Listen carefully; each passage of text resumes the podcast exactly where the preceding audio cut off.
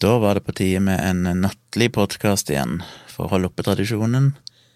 Klokka snart kvart over ett, natt til 18. juni. Meg og Tone har akkurat nå sittet og sett et par igjen episoder av 90 eh, Days to Wed, er det den heter? Jeg er jo en sucker for sånn eh, Hva kalles det? Ja, noen vil kalle det en guilty pleasure, vil ikke det? Men det er jo søppel-TV. Trash-TV, er det kanskje. Det, ja. det er gøy, for at du følger jo konseptet bak 90 Days to Wed. Jeg vet ikke om jeg sa det, jeg tror jeg nevnte det før, men jeg sa kanskje ikke hva det handler om. Men det er jo amerikanere som har funnet en eller annen kjæreste i et annet land, og så har de en sånn lov i USA at du kan søke om en såkalt K1-visa, visum, som er sånn at eh, hvis det blir godkjent, så kan den personen få visum til å komme inn i USA, men så må de gifte seg innen 90 dager, eller så blir de sendt hjem igjen. Så dette er jo folk som gjerne har møtt noen i utlandet, og kanskje bare vært med dem noen dager, kanskje vært et par ganger i Thailand eller Colombia eller Israel eller hva det måtte være, og møtt disse folkene, og så har de blitt kjærester, og så har de fridd, og de har kanskje hatt kontakt over lengre tid, månedsvis, via Skype og sånne ting. Og så søker de om et sånn K1-visum, og så følger denne serien den prosessen, da, ifra de kommer, eller gjerne før òg. Noen følger du mens de venter på å få godkjent søknaden og sånn. Så kommer denne personen til landet, og så følger du de da for å se hvordan det går. For det er jo ofte personer som kommer fra en eh, annen kultur, og alle i USA er jo alltid skeptiske og tenker at dette er folk som bare vil ha en green card og komme inn i USA, og bare gifte seg for å komme inn i USA og fortjene penger og alt mulig sånn, og så stikke ifra sin amerikanske mann eller kone etter ei stund. Så det er jo en interessant, interessant å se. Det er jo et innblikk i i mennesker, og USA spesielt, jeg blir jo ganske oppgitt. Det jeg liker med sånn reality-serie, at det, det er mange fine øyeblikk. Det er fine mennesker òg, som du tenker blir litt glad av å se mennesker ja, bry seg om hverandre og er gode med hverandre. Samtidig så er det jo så mange idioter. Herregud. Nå har jeg bare sett sesong to. Jeg så ikke sesong én, for den så Tone alene. Jeg så vel en episode eller to. Men sesong to så jeg, og nå ser han på sesong tre. Og i både sesong to og tre så er det jo selvfølgelig en sånn überkristne mannfolk som har funnet ei dame i utlandet. Og det er så deprimerende. Det er sånn Alle er jo jomfruer, for de skal jo ikke ha sex for ekteskapet. Og det er bare så vondt å se dem, spesielt i denne serien. Denne sesongen så er det jo ei russisk jente som gifter seg med en Eller skal gifte seg med en mormoner i USA. Hun levde jo et liv, hun bodde i Praha, det var der de møttes, for han var ute og misjonerte det i Praha, for sånn, mormonene driver vel, det er vel en del av det de må gjøre, at de må reise ut til andre land og sånn og misjonere. Så er jo en del av de i Norge òg, som sitter i svart dress og er her på oppdrag for å misjonere for nordmenn. Så han hadde møtt henne der, og så Ja, så hadde de blitt kjærester, og så hadde han fridd til henne ganske kjapt. Og øh, hun var en klassisk partygirl tidligere. Var på byen hver kveld, dansa festa drakk. Men så konverterte hun da til å bli mormoner for å gifte seg med han.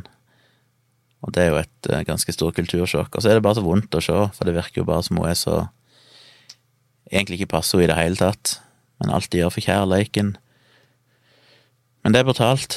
Og i denne sesongen så er det jo òg en uh, dude, en mann på 58 år, som har vært i Filippinene har funnet seg ei dame på 19 år, som da kommer til USA, og de skal da gifte seg innen 90 dager.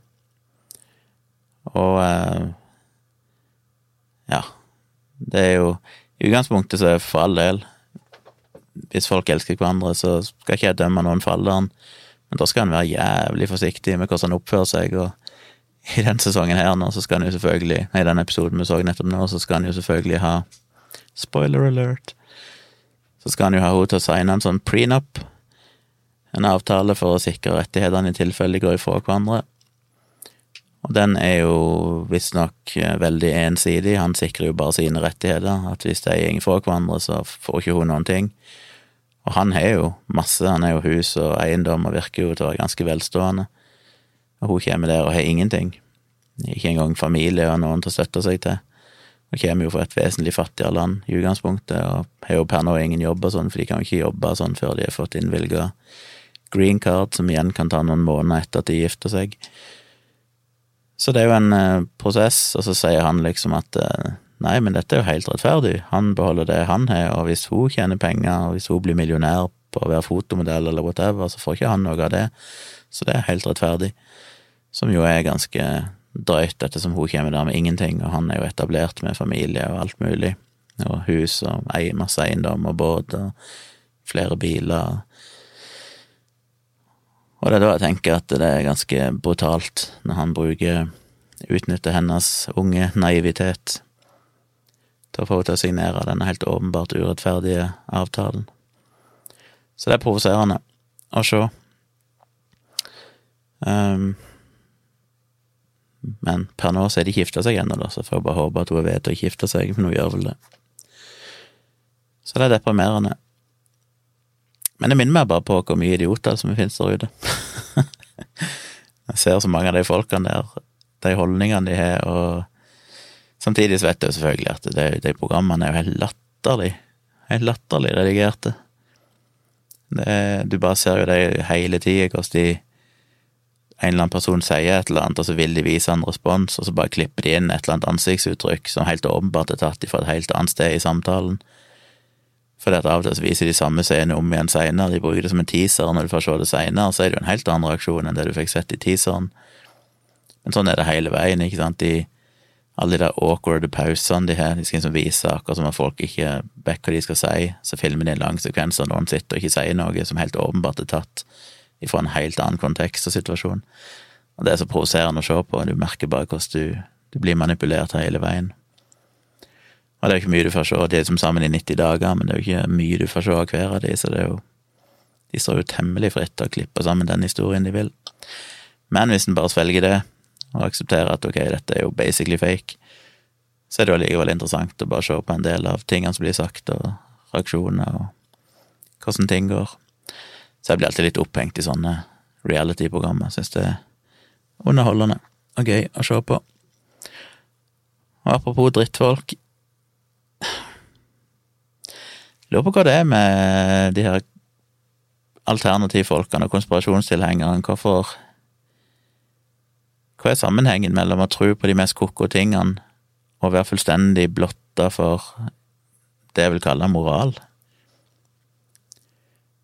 Fordi det går Det slår jo aldri feil. Nå har jo jeg ikke engasjert meg så mye på et par år, men i det øyeblikket jeg begynner å engasjere meg og lage videoer, for eksempel, om dette med 5G, så er det jo bare noen dager, så er de jo i gang i disse gruppene, og du ser de driver og en som sendte meg en screenshot av noen som hadde skrevet at Tjomli var ikke det han som var feng ikke han satt i fengsel for pedofili? Å ja, altså er det ingen som tar til motmæle i den tråden, spesielt det var en tråd til hun Ragna Heffermel, som jo sjøl la ut en video på YouTube som jeg kommenterte da, men den der poenget hennes var at eh, vi måtte være snille med hverandre, måtte ikke la debatten bli styrt av folk som mobber hverandre, for for deg sier er jo mobbing at jeg saklig kritiserer dem på fakta. Det er mobbing. Men at i kommentarfeltet hennes at folk sitter og kaller meg for å være fengsla for pedofili, og det er de mest personangrepene hagler jo bare der inne. Det er visstnok ikke mobbing, det blir ikke sletta, det blir ikke engang motsagt eller kommentert av noen der inne. Og det er bare helt ufattelig. Ei annen er jo der som jeg har diskutert med tidligere. Vi har kun hatt en sivilisert debatt, jeg har aldri sagt noen ting om henne som person kun diskutert studier og sånne ting. Men så er jo hun òg i gang, ikke sant, med de samme greiene. Og jeg bare lurer på hva det er. Hvorfor Hvorfor klarer de ikke å holde seg anstendige? Det går, det er liksom Den der kurven nedover er så kjapp. I det øyeblikket de blir motsagt, er det snakk om dager før de basically bryter ut i ting som strengt tatt er ja, holdt på å si, jeg kunne fått de dømt for. Det sier jeg jo for at jeg vet det er jo folk som har blitt dømt for å sagt akkurat de tingene om meg tidligere. ikke rettssaker som jeg har starta, men det er blitt fremsatt mot meg og andre, og så er det andre som har kjørt søksmål mot de, privat søksmål og vunnet søksmålene. Men det er rart at det er liksom så alvorlig. Det går ifra de blir motsagt på fakta, og så ender de opp med å si ting som er straffbart, holdt jeg på å si. Og det er folk som driver, og så pryder de seg så med at de er sånne mennesker av lys og kjærlighet, og og bare vil godt for verden, og vi må tenke på kloden, og alt skal være lys og harmoni, og så sitter de der inne og basically bare lirer av seg det verste mølet om andre mennesker, og det er ingen som har ryggrad til å liksom stå opp for det så lenge du er på deres parti, i den crazy saken de tror på, så kan du ikke motsies. Det minner meg om det beste eksempelet. Jeg vet ikke hvor mange som har fulgt dette her i mange år og vet, kjenner historikken, men det var masse diskusjon tidligere der disse alternativfolkene skulle ta meg, og de driver jo på fortsatt med å, å angripe meg for det jeg har skrevet noen bloggposter om barneporno og pedofili som de mener er forferdelige, selv om de har blitt vurdert av eksperter og psykologer som har sett på det, som har dette som sitt hovedtema, dette med pedofili. Og det har vært rettssaker, som sagt, der dommeren har sagt at det, det jeg har skrevet, er nyansert og, og saklig. Men allikevel så holder de på med dette. Og så, for noen år siden, så var det jo en av disse alternativfolkene. Eh, han har jo På 90-tallet en gang så ble jo han dømt for å ha delt ut porno til mindreårige. Så han er jo praktisk talt han ble tatt av politiet og dømt for det, og har innrømt sjøl å ha drevet en barnepornoserver. Men det var ikke én person i det miljøet som noensinne kritiserte han for det. Den personen som aktivt har innrømt å ha distribuert barneporno og har blitt dømt i norsk rett for å ha gitt pornografi til mindreårige, og ikke én person der inne har noensinne kritisert han, ikke ei eneste gang, fordi han trodde òg på akupunktur, og han trodde på healing og alt dette, og da må han beskyttes.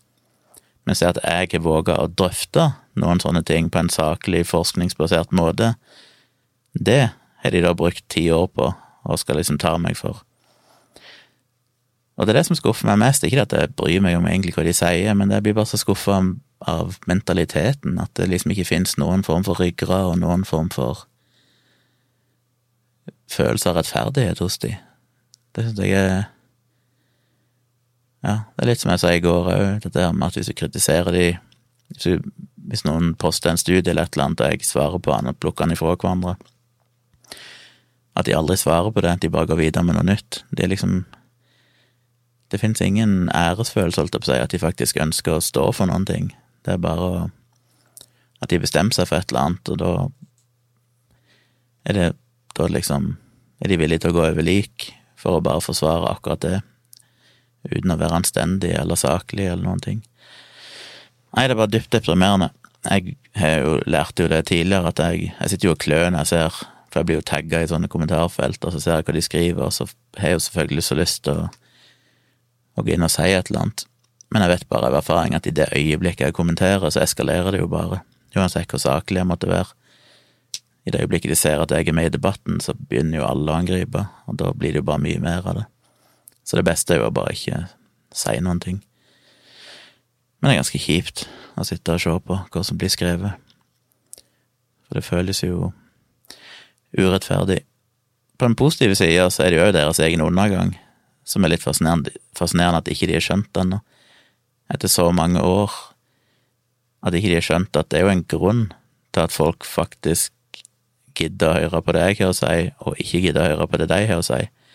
Det er ikke bare fordi at det de tror på i utgangspunktet er teit, eh, men det er jo måten de diskuterer på. De ender jo opp med å ødelegge sin egen sak umiddelbart fordi de ikke klarer å, holde seg for fristelsen til å synke til et så lågt nivå at ingen kan ta de seriøst lenger. Hadde det vært noen der som trodde på homopati og healing og 5G-hysteri, og samtidig klarte å bare forholde seg saklige, så hadde de jo faktisk hatt en mulighet til å nå ut i mye større grad. Men så lenge de alltid klarer å rasere det for seg sjøl, med at de må liksom gå på person, så ødelegger de sin egen sak, så For noen år siden så var jeg engasjert i å liksom ta de debattene, men jeg har jo egentlig slutta med det, og bare funnet ut at, som jeg har sagt mange ganger, at det viktigste er at hvis jeg begynner å engasjere meg i det, så tar det altfor mye tid. Det er mye bedre at jeg fokuserer på å heller produsere innhold, og heller formidle det som jeg ønsker å formidle, heller enn å bruke tid på liksom i gåsehauget skulle forsvare meg mot usakligheter som de driver og sprer rundt. Så det er nå sånn det er. Men det er jo andre der inne, ser jeg heldigvis, som sitter og taler min sak, da, av skeptikerfolk som har funnet dette kommentarfeltet, uavhengig av meg, og jeg har begynt å motsi dem. og det er jo det er jo glad for at det er noen som er ryggere til å, å stå opp for meg, det setter jeg jo veldig pris på. Så det er nå det. Jeg la jo ut en ny video i går, nei, i dag faktisk, i dag tidlig, um, som ikke har fått så mye views, får sikkert ikke så mye views, jeg skjønner aldri helt hva som får views og ikke, men det er nå ikke det viktigste. Det var en video jeg var ganske fornøyd med, den så jeg hadde brukt teleprompter på og lest opp litt ifra Oi, placebo-defekten. Men jeg ble litt fornøyd med redigeringa, bare fordi at jeg, jeg prøver jo å bli flinkere, selvfølgelig, det er jo litt av poenget med å drive med dette. Og jeg, bare sånne små ting som at jeg denne gangen hadde noen pauser i videoen der jeg liksom la inn noen sånne sitater på skjermen og hadde litt musikk i bakgrunnen. og og bare ga litt mer luftrom. Det er jo langt på nær sånn som det burde vært. Jeg burde jo være mye flinkere til det, og det er et av målene mine at jeg må bli flinkere til å lage dynamiske videoer, der det skjer litt mer. Men jeg er litt feig ennå. Jeg sliter liksom litt med det å ta kameraet med meg, for eksempel, og stå og filme bare sånn Ja, å gå rundt og filme, eller stå på forskjellige plasser og filme. Det er liksom så jeg har brukt så mye tid på å få dette oppsettet her inne nå, med lys og kameraet plassert skikkelig, og jeg har god lyd og alt mulig sånn. Og hvis du bare plutselig skal dra med deg kamera, ha en mikrofon oppå kamera, og du ikke har kontroll over lyset og sånn lenger, og alt dette her, så føles det jævlig skummelt. Jeg er alltid så redd for at når jeg ser på opptak etterpå, da, så oppdager jeg at shit, dette her er jo helt fucka. Men det er jo en treningssak, og jeg blir jo aldri flink til det hvis ikke jeg gjør det. Så målet mitt nå, planen min nå, er det egentlig å Kanskje omrokere litt på oppsettet mitt her med kameraene. Og få det til på en måte sånn at det er lettere for meg å kunne bare dra med meg et kamera i hånda hvis jeg ønsker det. Og gjøre det litt mer fleksibelt må liksom. Jeg syns Tone er flink til det. Hun er en del videoer på sin kanal, og hun er flinkere til å Hun er jo gått helt motsatt vei enn meg. Hun er jo litt mer sånn Filmer med mobilen og filmer med et litt enklere kamera. og ikke så opptatt av alt det tekniske som jeg er, som den nerden jeg er. Uh, og det er jo egentlig, jeg mener, som jeg, jeg snakka med Basim Sahid om det mange ganger.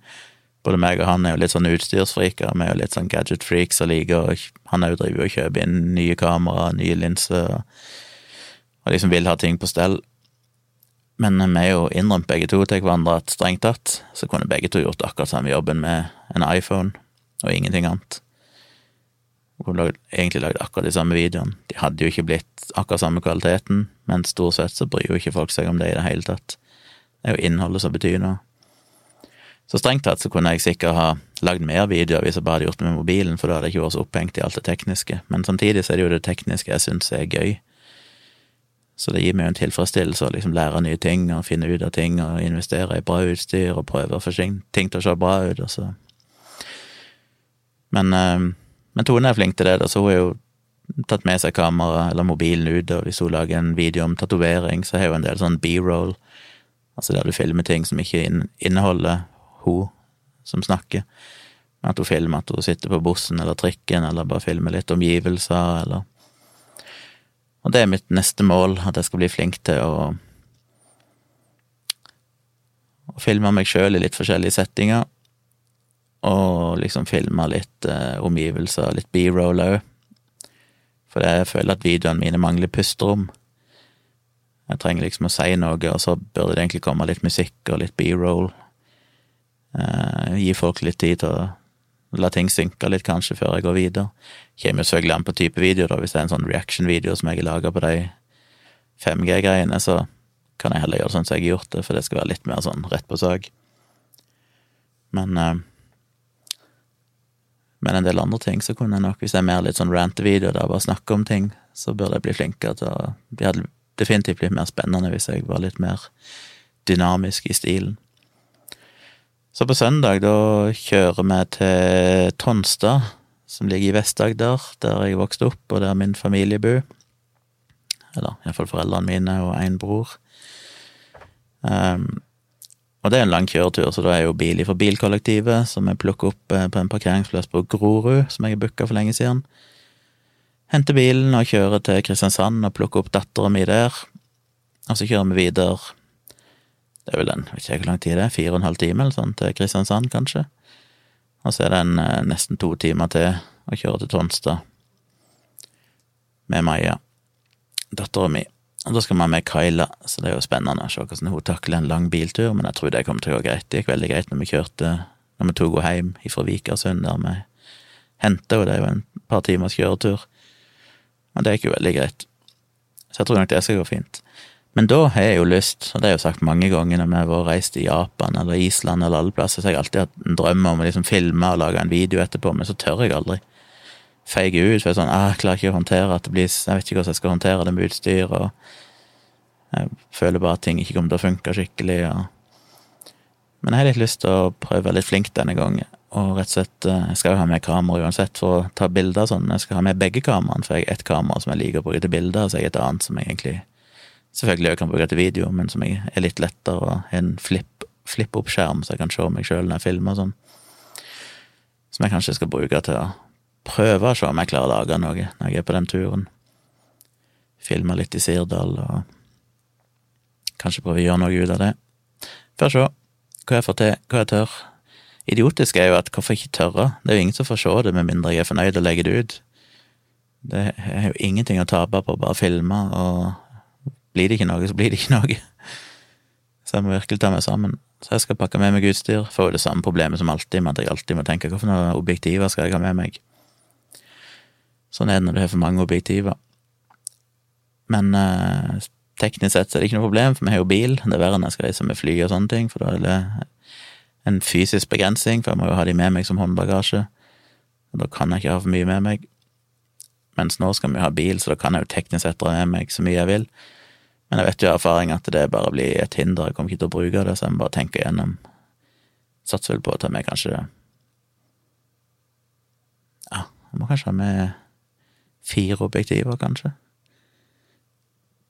Får se. Et par som jeg trenger til foto, og så et par som funker bedre til video. Ja, jeg får se hva som gjør det. Men uh, det må jeg ha med. så er det jo veldig fint i Sirdal, så jeg har jo litt lyst til å se om jeg klarer å få tatt noen fine landskapsfoto.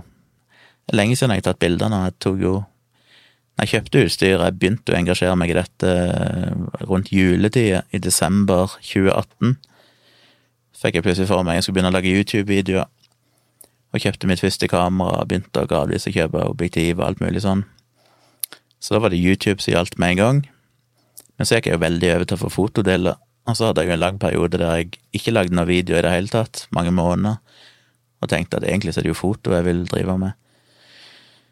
Men så plutselig så gikk det litt tilbake igjen nå, dette de siste tre-fire månedene etter jeg fikk rigga opp studioet mitt her i den nye leiligheten og sånn, så er det plutselig blitt video igjen, og nå har jeg ikke tatt bilder på evigheter. Så jeg må prøve å få tatt litt bilder igjen.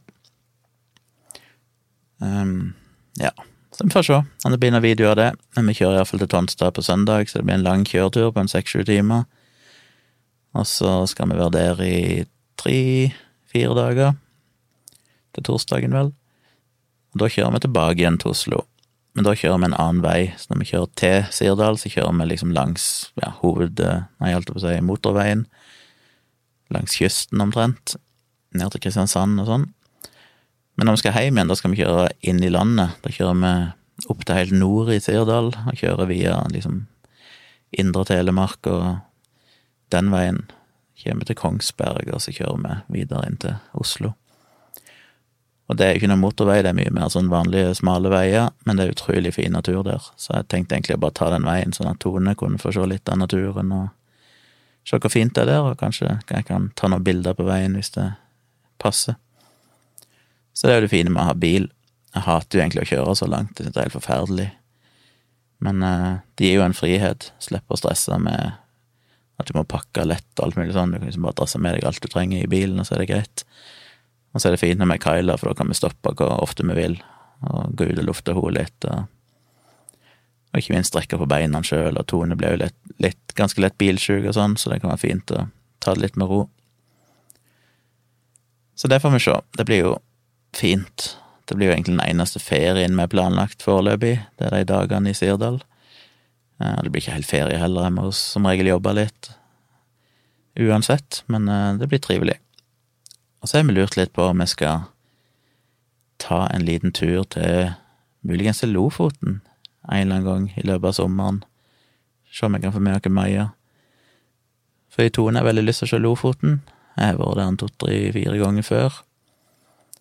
Men aldri hatt skikkelig god tid. Jeg har stort sett bare vært der på enten konferanse, jobbsammenheng eller foredrag jeg har holdt i det området. Men eh, rett og slett uh, ha litt tid der oppe. Ta med kamera, kanskje leie en bil og kjøre litt rundt og ta bilder. Ingen av oss er glad i å være vekke sånn superlenge, så folk så holder ofte med sånn to-tre dager. Par netter på hotell, kanskje. Det holder egentlig. Vi får se.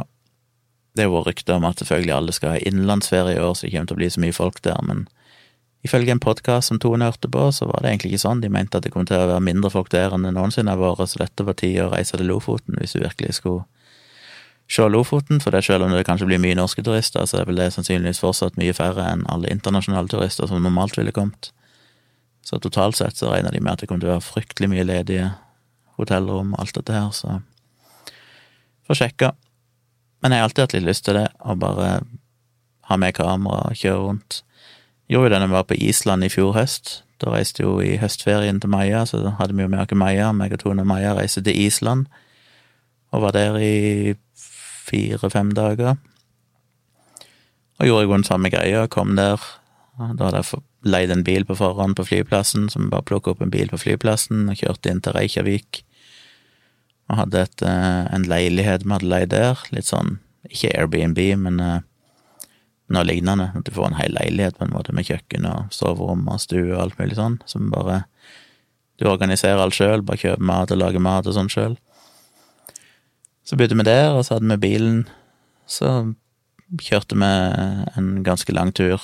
Kjørte den her Golden Circle, som de kaller det, der du ser geysiren og alle de mest kjente severdighetene. Og det var veldig deilig å bare kunne ta det i vårt eget tempo og bare si ja, skal vi stikke opp der en tur, og ja, skal vi kjøre der en tur, og, og ha den friheten, da. Og da hadde jeg med kamera. Problemet er selvfølgelig at Tone og Maja syns det kan bli litt kjedelig hvis jeg plutselig skal ut og ta bilder og bli stående lenge for å liksom få ting få tatt akkurat det bildet jeg vil, så er det ikke så gøy for deg å sitte og vente alltid, så Egentlig burde jeg ha reist der alene en gang, eller et eller annet, eller med en annen fotograf som hadde uendelig med tid og kunne bruke virkelig tid, for når vi var der sist, så ble jeg litt sånn stressa at jeg følte at jeg må bare skynde meg, for de sitter og venter på meg hele tida. Men uh, ja. Det er ganske gøy. Så det har jeg lyst til å gjøre i Norge òg. Det er jo ingen grunn til å reise til utlandet, egentlig. Det er jo uendelig mye fint å ta bilder i Norge. Så det blir jo den turen nå, da, til uka. Det blir en ganske lang kjøretur, så får vi se om vi får knipsa noen bilder der, og så er det jo muligens en Lofoten-tur. Og så skal vi vel en tur i august, første uke i august, så tenker vi tar en bitte liten tur ned til Fredrikstad, for der er Tone sin familie i hytte. som jeg kommer til å låne et par-tre dager. Jeg må liksom ha ting å gjøre når Maja er her, for jeg skal jo være hun noen uker i ferien, og det er kjedelig for hun å sitte her i leiligheten hele tida, hun er jo ikke noe venner og sånn å henge med her, sånn som hun er i Kristiansand. Så når hun er her, så gjelder det jo å finne på litt ting som jeg kan gjøre. Så da eh, Da blir det Tonstad, og så blir det kanskje Lofoten, og så blir det Fredrikstad, og så blir det selvfølgelig ganske mange dager her òg i tillegg, men da har vi iallfall fulgt den tida med litt reising og aktiviteter, så det blir litt for henne å gjøre. Og det er jo det gøyeste jeg vet, det er jo å reise sammen med henne. Jeg elsker jo å kunne vise henne nye ting og gi henne opplevelser og lære litt av landet og verden og få erfaringer. Det tror jeg er viktig. Jeg har jo sjøl satt veldig pris på det sjøl i mitt liv. Bodd i Kenya og Tanzania med engelsk mor, òg, og mye i England og fått reist mye i Europa og sånne ting. Og det tror jeg er sunt. Få sett mye av verden. Så vi får se hva som skjer. Ellers blir det jo en ganske rolig sommer, da. Blir ingen utenlandsturer, selvfølgelig. Og det er egentlig ganske deilig, for tidligere så har jeg alltid egentlig reist et par ganger til utlandet i løpet av sommeren. Én tur kanskje med Maja. Og så har jeg gjerne tatt meg en tur alene i tillegg. Eller med dama, hvis jeg har hatt dame på det tidspunktet. Og i fjor reiste vi jo fryktelig mye. Det gikk jo helt bananas. Hva var det vi var i fjor? Vi var i en kjapp liten tur til Danmark. Så var vi i eh, Frankrike en tur med meg og Tone. Så var vi på Island. Og så var vi i Japan.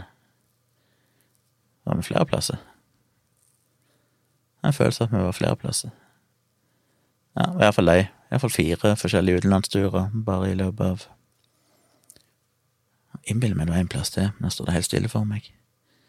Anyway, og det var jo kult, men uh, det er egentlig litt deilig å ikke gjøre det, og bare tenke at det er ingen sånne reiseplaner i sommer, kan bare slappe helt av. Og det blir litt fint, spesielt når vi er en sånn fin leilighet med gode plasser, det går an å nyte ting her i Oslo.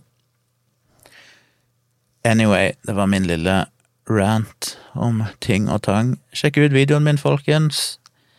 Dere finner den på Tvilsomt med Tjomli. Det er den som handler om eh, blinding og hvordan forskere lurer seg sjøl. Tror den er ganske fin, bare en ti minutter lang video. Så setter pris på om dere kikker på den, og kanskje liker den, og kanskje deler den.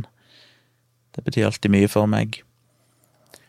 Og igjen, velkommen til nye patrons. Det burde jeg kanskje sagt i begynnelsen av podkasten, men hvis dere har hørt så langt, så velkommen til dere òg. Jeg er jo fortsatt nysgjerrig på det er hvor mange som egentlig hører på denne podkasten her, men jeg håper jo folk gjør det. Eh, hvis dere hører på, så gi gjerne en like, så jeg ser at det er faktisk folk som hører på.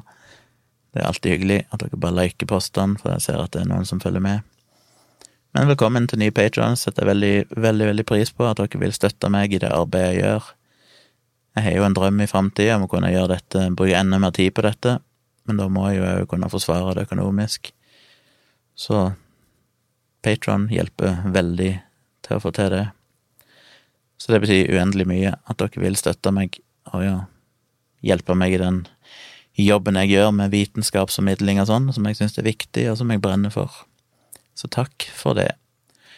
Og så bare før jeg avslutter, som jeg, jeg ikke helt planlagt hvordan det blir. På lørdag så skal vi i et selskap til mormora av Tone.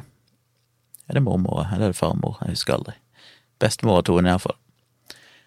Eh, så da blir vi jo litt opptatt i sånn familieselskap, og på søndagen, som sagt, skal vi jo kjøre til Tonstad så jeg er litt usikker på hva som blir med samboerprat. Det kan være vi ikke rekker å få til noen samboerprat. Jeg er litt usikker på hvordan den lørdagen er, om det er noe vi kan gjøre seinere på kvelden, det må jeg høre med Tone om. Jeg vet ikke hvor seine vi blir i det selskapet, eller om det er noe vi kan gjøre tidligere på dagen.